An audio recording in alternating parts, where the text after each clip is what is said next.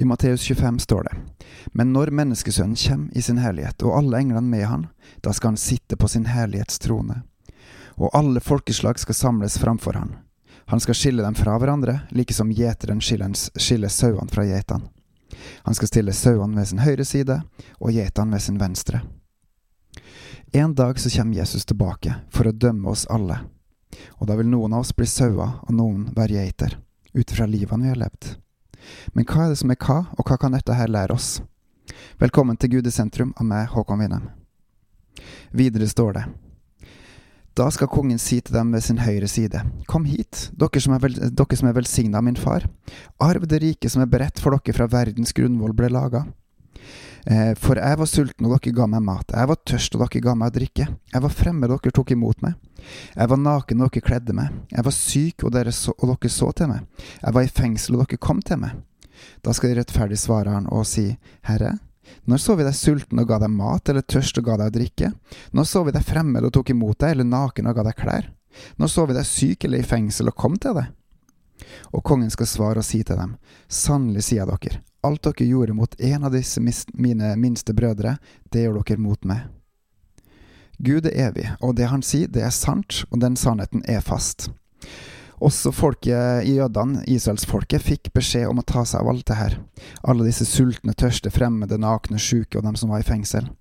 Men de gjorde det ikke, og det førte til 587 før Kristus at de ble bortført til Babylon. De hadde fått beskjed av Gud å ta seg av alle disse, men de valgte å gå andre veier. De hadde fått beskjed over flere hundre år av advarsler, de hadde blitt bygd opp, og de hadde blitt oppmuntra til å gjøre dette. Men allikevel så valgte de, sjøl om de var utvalgt til å være sauer, til å leve som geiter. Og da blir man geita, og det blir man straffa for, og da går man fortapt. Um, de som utførte straffa som Gud tilkalte, og som ba de straffe Israelsfolket, da, 587 eh, før Kristus, det var babylonerne, kalderene. De straffa derimot Israel for hardt, og ble innbilske og tok æren sjøl. Og også dem skal få dom, og falle. I Jesaja 47 så står det noe om den straffa babylonerne, kalderene, skulle få, fordi de, de handla så ondt. Stig ned og sett deg i støvet, du jomfru Babels datter. Sett deg på jorden uten trone, du kaldernes datter. For de skal ikke mer kalle deg den fine og kjælende. Ta fatt på kverna og mal mel. Slå opp ditt slør, løft slepet opp, gjør benet bart, vad over elva. Din nakenhet skal bli avdekka, og din skam skal bli sett. Hevn vil jeg ta og ikke spare noe menneske. Vår gjenløser, hans navn er Herren, herskarnes Gud, Israels hellige. Sitt taus og gå inn i mørket, du kaldernes datter, for de skal ikke mer kalle deg rikenes dronning.